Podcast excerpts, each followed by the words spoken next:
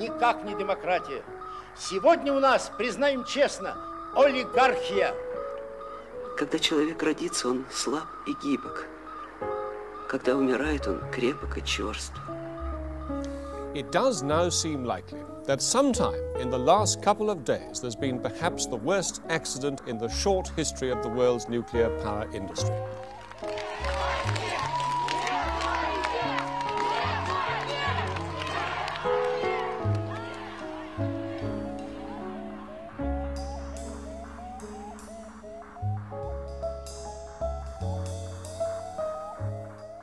Kæru hlustundur, ár er liðið frá innrás rúsa í Úkrænu. Innrás sem sér ekki fyrir endan á og kostað hefur fjöldamannslífa. Innrás sem hefur endurvækið kjarnorku ógnina og kaldastriðið. Innrás sem sett hefur heiminn á krosskötur. Á meðan við sitjum í makindum og hlustum á útvarpið eru úkrænumenn að berjast fyrir lífi sínu. Lagt hefur verið alþjóðlegt viðskiptabann á rússa, egnir ólíkarka fristar. Ætti við eftir vilja ganga skrefinu lengra og slaufa rúsneskri menningu. Eða þvert á móti faðma hana þjættar að okkur en nokkur sinni fyrr í vonum að ná áttum í breyttum heimi. Á liðna ári hafa spurningar eins og þessar leitað á þann sem hér talar. Ég er kaldastriðsbarn, kjarnorkuváinn, eidilaði æsku mína. Ég var átta ára gamall þegar leðtúafundurinn var haldinn í höfða og árið síðar þegar Reykján og Gorbatsjóf undirrituðu ógildingu meðaldrægra og skamdrægra vopna satt ég lindur við sjómaskjáin til að ganga úr skugga um að þeir skrifuðu öruglega undir hverja einustu síðu samningsins. Ég tók út táningsár mín með hruni Sovjetríkjana og dildi með fyrrum ráðstjórnaríkjum þörfinni til að brjótast úr viðjum, upplifa frelsið í sinni óhóflegustu mynd og skilgreina mig út frá eigin forsendum. Eða hvað? Við hrun Sovjetríkjana blöstu endalók sögunar við bandaríska fræðimanninum Francis Fukuyama. Frjálslind, vestrænt, líðræði hafði ekki aðeins haft betur í kaldastriðinu að hans mati Nei, sigurinn var miklu stærri. Í bóksinni frá 1992, The End of History and the Last Man, eða Endalók sögunar og hinsti maðurinn, færir Fukuyama rauk fyrir því að hrun Sovjetríkjana hafi leitt öll stórvægileg hugmyndafræðileg átök til lykta og að mannkinn standi uppi með sigurvegaran, frjálslind líðræði að vestrætni fyrirmynd. Að lengra er þið ekki komist að við verum komin í mark. Nú þyrtu þjóðir heims einungis að tilenga sér vestrænt líðræði og þá getur við öll notið ávaksta hins besta sem menning og saga hefur fært okkur og við getum gert það í freyði. En, eins og Pál Postuli segir í Rómverja brefi, Hið góða sem ég vil ger ég ekki, en hið vonda sem ég vil ekki, það ger ég. Fræðimennir Ívan Krastjef og Stephen Holmes hafa kallað undarfænið 30 ár, það er að segja tímabilið frá hruni Sovjetríkina til innrásar rúsa í Úkrænu áratugi eftir líkingarinnar að þeirra mati ætluðust Vestrænríki til þess að Rúsland og fyrrum ráðstjórnaríki tækju upp frjálslind vestrænt líðræði og tólka má innrásina í Úkrænu eða populisman í Ungverjalandi sem mótþróa þessara þjóða til að gangast upp í eftirlíkingunni. Hvort er hið mannlega ástand? Framfara þróun á borfið þá sem Fukuyama bóðar eða óskinsemin, mótþróin og þörfin fyrir að skapa sína eigin framtíð.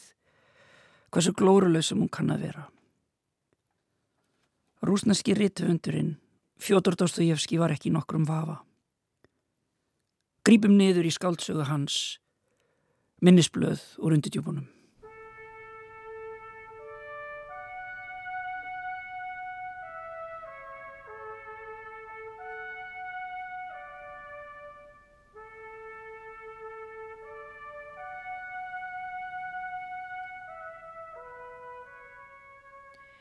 Í stuttumáli sagt, það er hægt að segja hvað sem er um mannkynsöguna, allt sem geti kviknað af jafnvel rugglaðasta ímyndunarabli í höfðumanns.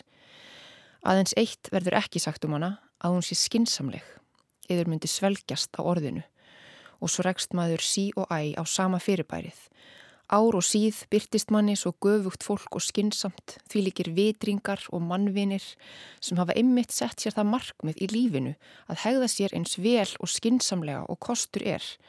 Vera, ef svo má segja, ljós meðbræðra sinna til þess að sína þeim og sanna að það sé í raun og sannleika mögulegt að lifa í heiminum og hegða sér bæði vel og skinsamlega. Og hvað svo?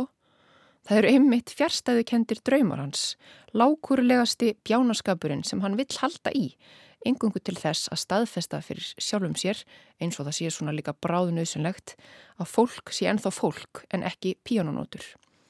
Já og ekki nóg með það, jáfnvel þótt í ljós kæmi að maðurinn væri einmitt píanonóta og honum væri meiri segja sínt fram á það með náttúruvísindum og starfræði, þá myndi það ekki döga til að koma vitinu fyrir hann.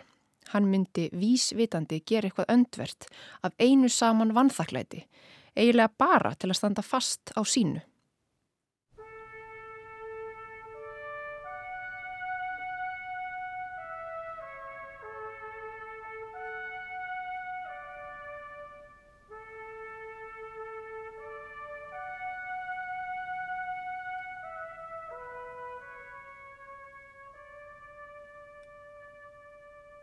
Þvingaði hinn vestræni heimur hugmyndum sínum upp á Rúsland og fyrir um ráðstjórnaríkin án þess að verða sögu og sérkinni þessara þjóða.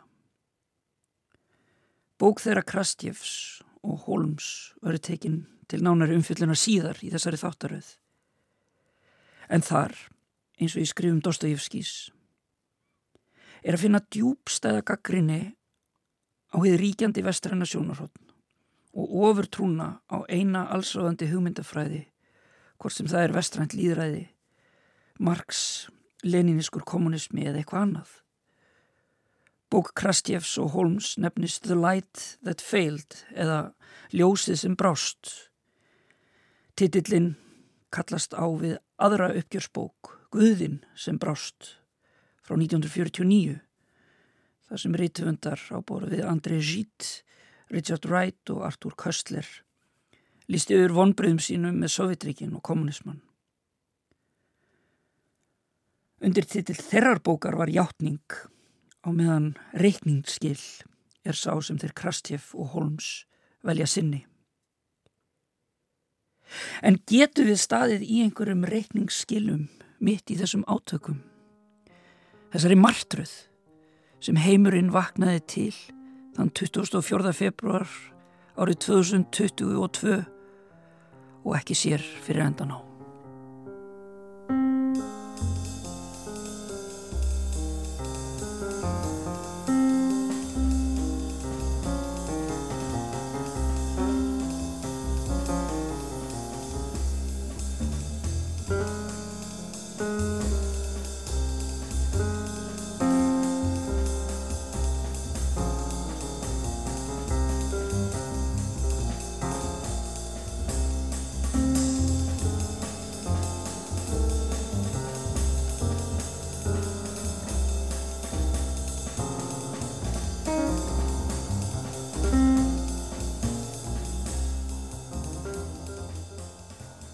Ég fór í rúsnesku nám til Sankti Pétursborgar árið 2006 og aðeins fáinnum vikum eftir komuna var bladamæðurinn og baráttukonan Anna Politkovskaja skotinn til bana á afmælistegi fórsetans Vladimir Putins Ég dvaldi nýju ógleimanlega mánuði í Pétursborg en hjælt síðan námi í rúsnesku og rúsneskum bókmyndum áfram í Reykjavík, Moskvu og Helsingi. Ég kastaði mér inn í rúsneska menningu. Á samt Yngibjörgu heitinni Haraldsdóttur þýtti ég skaldsugu eftir Dostojevski sem nefnist hinnir smánuðu og svífurtu. Leikritið Vanja Frænda eftir Anton Tjakov fyrir borgarleikusið. Aukbókarinnar Tjernobilbænin eftir hvít rúsneska Nobels verluna hafan Svetlunu Aleksijevits. En eftir innrásina fyrir ári síðan er eins og fótonum hafi verið kift undan mér. Er síðferðslega rétt að vera með Rúslands áhuga í ljósi atbyrðana í Úkrænu? Er hægt að aðskilja Rúsland og rúsneska menningu? Hvernig eigum við að tala þegar við tölum um Rúsland í dag? Í þessum þáttum leita ég á náðir bókmyndana og það voru þær sem dróðu mig inn í þennan menningarheim og sínum tíma og þangað fer ég í leita svörum.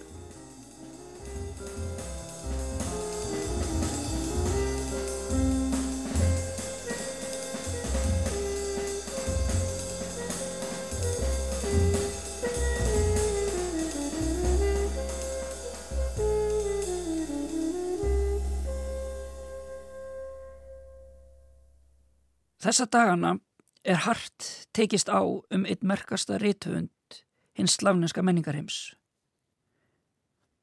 Nikolai Janovski Gogol fættist í Kósakabænum Sarotsinci í Poltava héræði í Úkrænu árið 1809. Hann sótti efni við margara sinna merkustu sagna í úkrænska þjóðmenningu eins og smásagnasafnið Mirgorod er til vitnisum en það er til í íslenski þýðingu. En Gogol hlifti heimdraganum, feldi Janovski úr nafni sínu og fluttist til samt í Pétursborgar og skrifaði alla tíð á rúsnensku. Hvorum til er þá Nikolai Gogol, rúsum eða ukrænumönnum? Og skipti það máli þegar öll er á botnin kvöld? Eftir Gogol liggja ódöðlegar smásögur á borðið við yfirhöfnina og nefið. Við erum allir komnir undan yfirhöfninni, er haft eftir rúsneskum rittvöndi og annar, Vladimir Nabokov, talar um að á löngu tímabili í rúsneskum bókmyndum hafi rúsneskir höfundar hreinlega orðið gókulegir, svo mjög voru þeir undir áhrifum frá þessum fjölhæfa höfundi. Auk smásagna Gókóls skrifaði hann á sinni stuttu æfi eftirlitsmannin, eitt mest leikna leikrit rúsneskra bókmenta og eina skáldsögu, Mjort Dúsí eða Dauðar Sálir eins og nefnist í þýðingu Magnúsar Magnússonar. Að hálfu höfundar er reyndar ekki skáldsa á ferð heldur kviða sem er í ætt við hómerskviður eða gleðileikin guðdómlega eftir Dante Alighieri. Aðalsögu heitja Gókóls er svikarhappurinn Tsitsikov sem fer um sveitir Rúslands í leita döðum sálum. Um aldir alda og allt fram til ársins 1862 voru bændur í Rúslandi ánöðugir, það er að segja réttlausir og bundnir við jörð óðalsbónda síns sem greiti af þeim skatt. Á 10 til 15 ára fresti fór fram ofinbær talning á þessum sálum eins og ánöðir bændur voru kallaðir í daglegu tali. En sækið þess hver talningin var stopul varð óumflíjanlegt misræmi. Bændur fjalli frá á milli talninga örðu óvinnu færir og svo framvis. Tsitsikov býðst til að kaupa fyrir lítið fjö þessi ógildu númer, þessar dauðu sálir en þannig komist eigendundir jafnbrönd hjá því að greiða af þeim skatt. Tsitsikov hyggst vera ríkur af því að skreita sig með þessum nöfnum, koma sér upp óðalsbúi í Kersson héræði þar sem allir þessir bændur vinni fyrir hann þó þeir séu í rauninni hverki til nema á papirnum. Sagan var vitaskuld afhjúbandi fyrir spillingu og skriffinsku í rúsneskri stjórnsíslu fyrir og síðar. Ekki aðeins í keisaraveldinu á tímum Gókuls, heldur jáfnframt í Sovjetríkjónum og ekki síður eftir hrunðeira. Á tíunda áratögnum fóru jú verðandi ólíkarkar um sveitir fyrir um Sovjetríkjana og keiftu fyrir slikk, náttúrulegu auðæfi og önnur auðæfi sem eðli málsins samkvæmt var ekki hægt að vesla með í kommunísku þjóðskiplagi en gengur nú kaupum og sölum og bruna útsölu. Um þetta hefur til að mynda Naomi Klein skrifað í sjokkdoktorinn The Rise of Disaster Capitalism áhrifa mikill í gaggrinni á nýfrálsíkjuna sem var allsráðandi undir lók 2000 aldar. Þá er einnig í meira lægi kaldranalegt að ímynda sér óðal rúsnesk svikarhaps sem reistir á döðum sálum í Kersson héræði í Úkrænu, svæði sem rússar innlimuðu jú í september 2022, en Úkræna náði nýlega aftur á sitt vald með tilherandi mannfalli og breyttra hermana úr röðum bekja fylkinga. Uppkemst um Tsitsikov áður hann að nær til Kersson og í kjálfarið kemur einhver frægasti kapli rúsneskra bókmenta þegar svikarhappurinn leggur á flótta og hverfur af síðum sögunar í tróiku en svo nefnist rúsneskur hestvagn á sleða eða hjólum sem þrýr hestar eru spendir fyrir. Áfram nú, hestarnir fjörguðust við þetta og vagnin þauðt eftir míshæðóttum veginum. Tsitsikov brosti blít þar sem hann ruggaðist á leður kottanum því að hann skemmti sér ágætlega þegar hratt var ekið. Þeim rúsa væri líka undarlega farið sem nýti þess ekki að þjóta áfram með ofsa hraða og finna til töfrana sem því eru samfara. Það er eins og einhver dulmáttur berimann á vangjum sínum, maður flýgur og allt sem auganum mætir er líka á flegi ferð.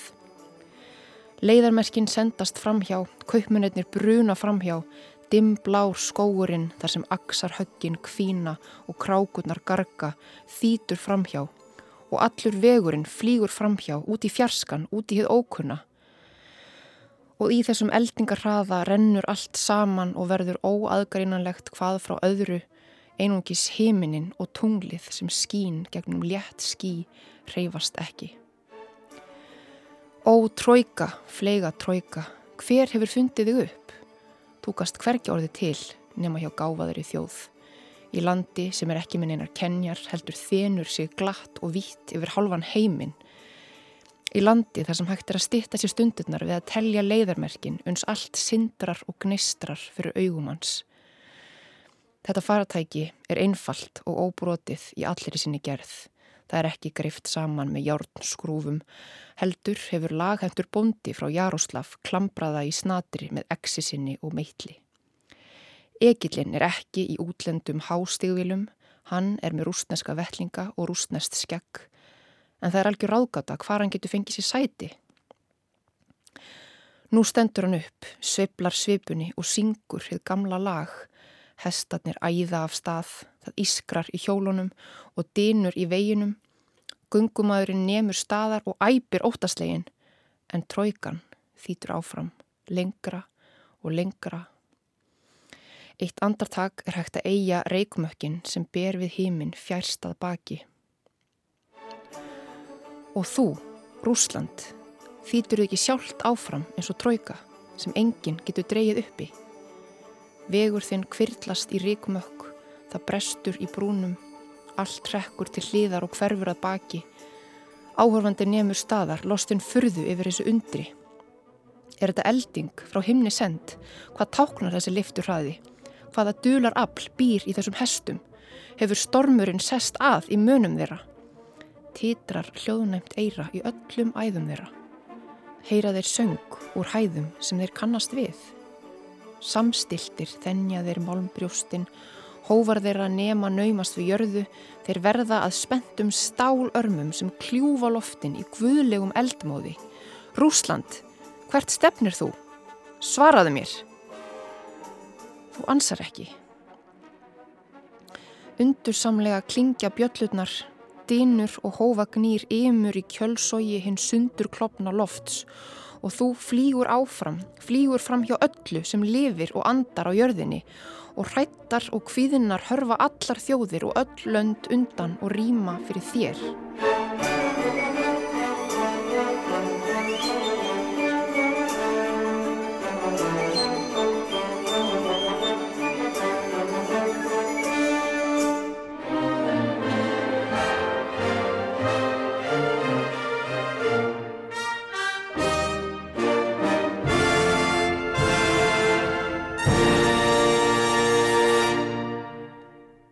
Tróikan hefur í aldanar ás orðið að rúsnenskum menningar íkon. Ekki síst í krafti lýsingar Gogols og tónlistar Sergejs Prokofjevs sem hljómar hér undir. Sá síðan nefndi samti svítuna um kísi liðsfóringja fyrir samnenda kvikmynd frá árinu 1934.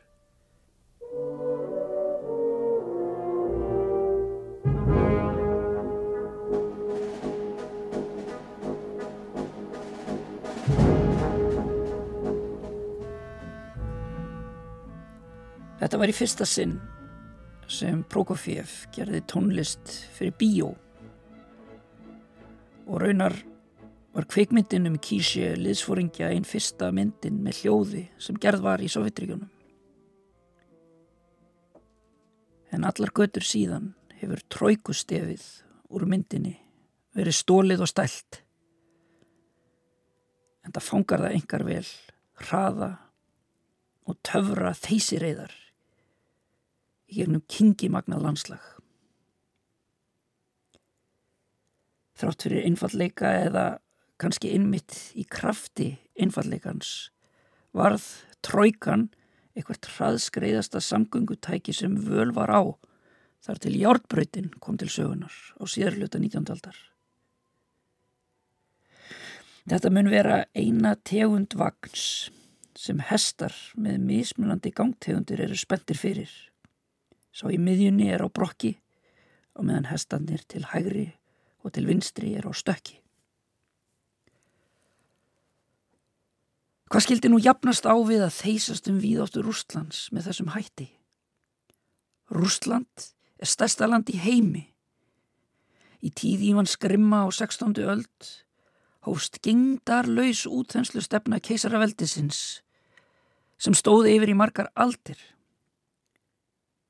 Eins og fræðumæðurinn Stephen Kotkin hefur bent á, stækkaði rúsneska heimsveldið að meðaltali um 130 fér kílometra á dag í hundruði ára eða þar til það náði yfir einn sjötta af landmassa jarðkringlunar.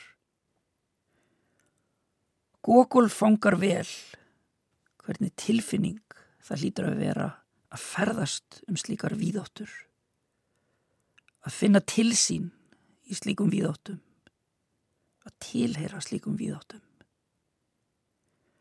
Hann líkir þjóðinni við tróiku á þeysi reið og spyr Rúsland hvert stefnir þú? En fær ekkert svar. Þessi stað þeysist Rúsland áfram, en hrettar og kvíðnar hörfa allar þjóðir og öll lönd undan og rýma fyrir því. Þversögnin í þessu öllu saman er svo að sá sem situr í þessum stórkoslega hestvagni er svindlari og það sem meira er við erum stött í viti. Samkvæmt fyrirmynd gleðilegsins guðdómlega átti fyrsti hluti döðra sála að leiða Tsítsíkov fulltrúa hinn að rúsnesku þjóðarsálar í gegnum helviti. Í kjölfarið átti leiðin svo að liggja í gegnum hreinsunareldin og loks til himnaríkis. En Gogol tókst aldrei að komast upp úr hinnu rúsneska helviti. Þráttur örvendingafullar tilraunir. Kaplar úr hreinsunareldinum hafa varðist og þeir eru ekki sannfærandi. En engar fregnir hafa borist úr himnaríki.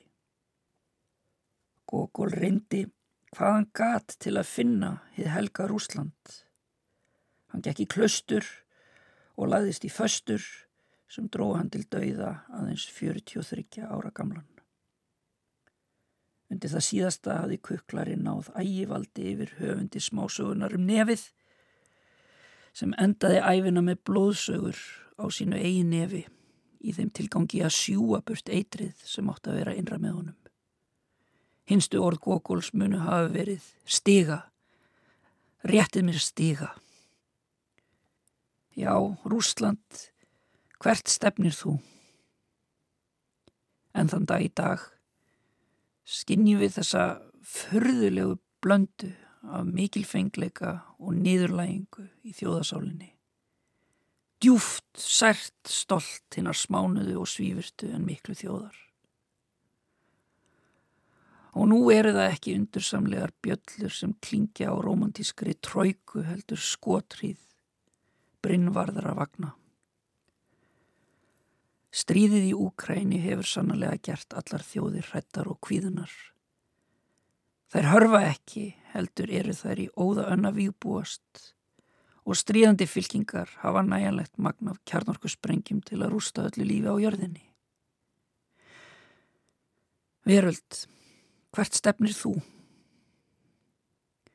Eins og eisneska söngkonan Veli Júnas langar mann helst af öllu til að hrópa stopp seg sko æg. Stopp, stöðum tíman.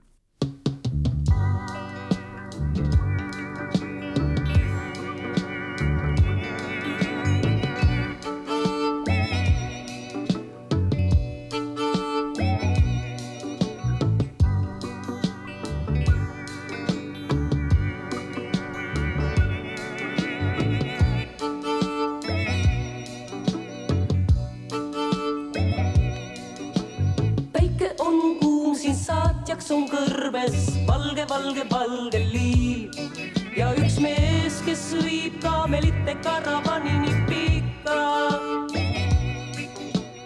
hommik, päev, öö on ainsad ajamärgid, need on sidunud meesti siin ja üksi kaunim on haaremist neid, päike tundub kuuvaid. stopp, seisku aeg, nii kaebleb neid see siin ju taeva meid viib.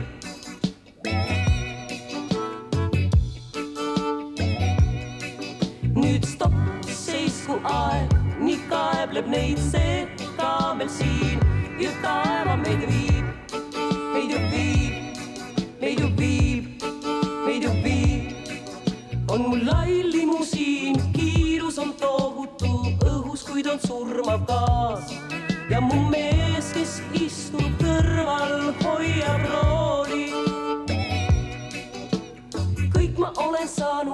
eales olen ihkanud kodul luksima, aga hingel on külm.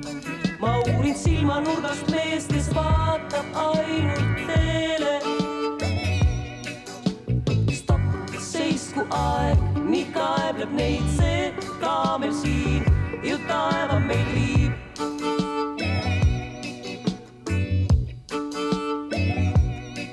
nüüd stopp, siin ju taeva meid viib, meid ju viib, meid ju viib, meid ju viib. stopp, seisku aeg, nii kaebleb neid see kaamel siin ju taeva meid viib.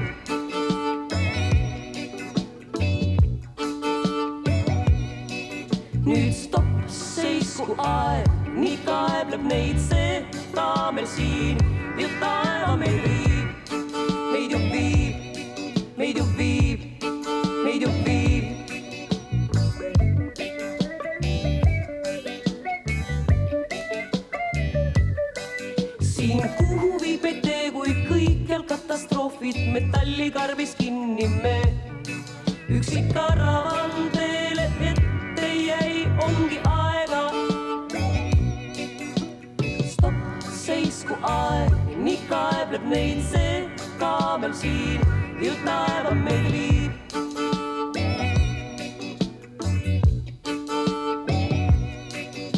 nüüd stopp, seisku aeg, nii kaebleb neid see kaamel siin, ju taeva meid viib, meid ju viib, meid ju viib, meid ju viib. stopp, seisku aeg, nii kaebleb neid see kaamel siin, ju taeva meid viib.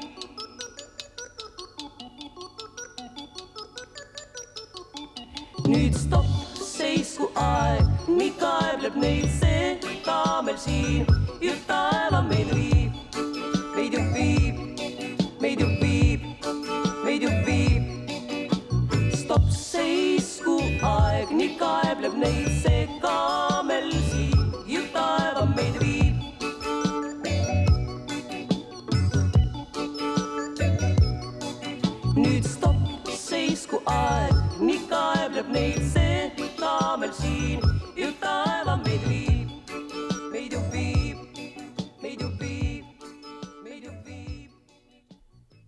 Einsamall ferðalangur spilar 40 ára gammal lag á áningarstað sínum. Þetta er á kvöldlægi, húsráðandi heyri til hans og ringi símtal. Klukkustund síðar er ferðalangurinn stattur á stofugólfinu hjá söngkonu og textahöfundi lagsins Veli Júnas að drekka heimabrugg og reykja handvaðar síkaretur. Aðtúasemda kerfið logaði þegar að ferðalangurinn dildi frásöksinni á YouTube rásinni fyrir um ári síðan. En það hefur stopp seisku æg ábreyða Veli Júnas af Jim Rafferty læginu I See Red með tímanum orðið að kvöld klassík. Uppáhaldi þeirra sem eru nú að hefnir til að heyra það. Júnas er fætt 1958. Hún er fyrir um skíðadrottning og starfandi fjölustakonna í Íslandi. Árið 1983 gaf hún út smáskífu en snýri svo baki við poptónlist. Allið smáskífunar inniheldur þetta sálarskotna lag um kamelest á ferð um eðimörk, limúsínu sem brunar í gegnum nóttina og, ef ég skilða rétt, óumflíjanlegan yfirvofandi áreikstur þessara tvekja. Tekstin er brotin upp með bóninni sem borin er upp í viðlæginu stopp, seg, sku, æg, stopp, stöðum tíman. Rúsland er á flegi ferð, hrettar og kvíðnar viðbúast aðrar þjóðir gagvart þeim, svo í óefni stefnir, frekara stríð, jafnvel heimstyrjöld. En í þessari tíu þáttaröð segjum við svo eistar grannþjóð rúsa í vestri, stopp, stöðum tíman. Reynum að átt okkur á samhenginu, reynum að fjalla um rúsneska menningu þó hún verði aldrei söm. Reynum að rína í samhengið, myndina sem að okkur er rétt og veruleikan á bakvið hana. Rúsland, hvert stefnir þú? Skrifaði Gogol, eða hvað? Rús, kúdasunni sjótsjati, stendur í frumtekstanum.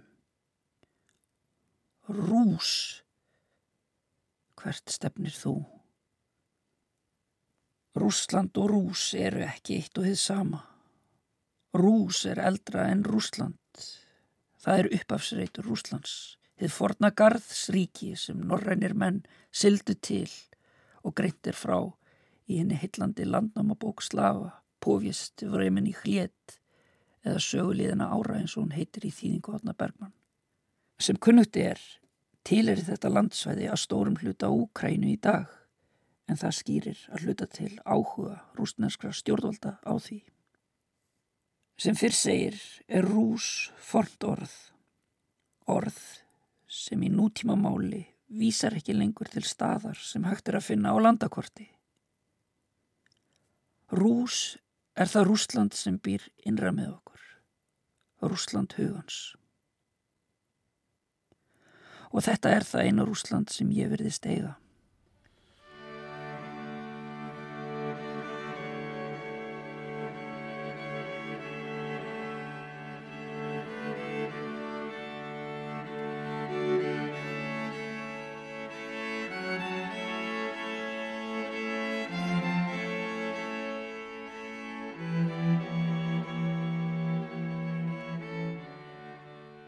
Ágættu hlustendur, Rús er tíu þáttaröð þar sem ég mun tala út frá eigin brjósti en jáfnframt eiga samræður við sérfróða um Rúsland og rúsneska menningu í fortíð, nútíð og framtíð.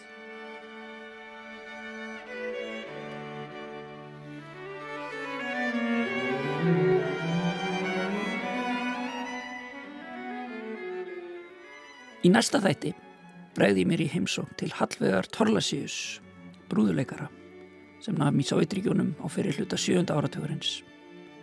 Um leiðu ég þakka ykkur samfélgina í dag, skulum við heyra brot úr viðtælinu við Hallvegu. Heyrumst af ykkur liðni. Og ég man að ég hitti einu sinni mann sem var að koma úr fangabón í Sýmbjörn.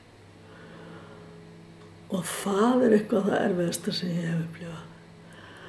Að sjá hvernig hann var held ég örglega ekki, hann var ekki rússi sko, hann var annarkort franskur eða belgiskur. Og hann var búin að vera hann alveg síðan í stríðinu sko, í 20 árleiklega næstum. Og hann var alveg sloknað allt. Það var, það var ræðilegt að sjá þetta. Ekkert eftir á hann. Ekkert eftir. En hann var auðvitað að fara heim sko úr landi og vonandi hefur hann kannski kveiknað aftur á hann. En það var sko, þetta var auðvitað svona þvílig grimd á bakvið og sem að þegar maður les til dæmis bara æfisögu Stalins, Stalin ungi, þessi æfisaga sem að þar sem að e, því að líst hverju hann lendur í af hálfu keisaraveldisins og hann er náttúrulega sendið til Sýbiri og hann er þetta og þetta. Svo gerir hann nákvæmlega það sama við sína þegna bara hundra sinu meira. Og maður sko botnar ekkert alveg í þessu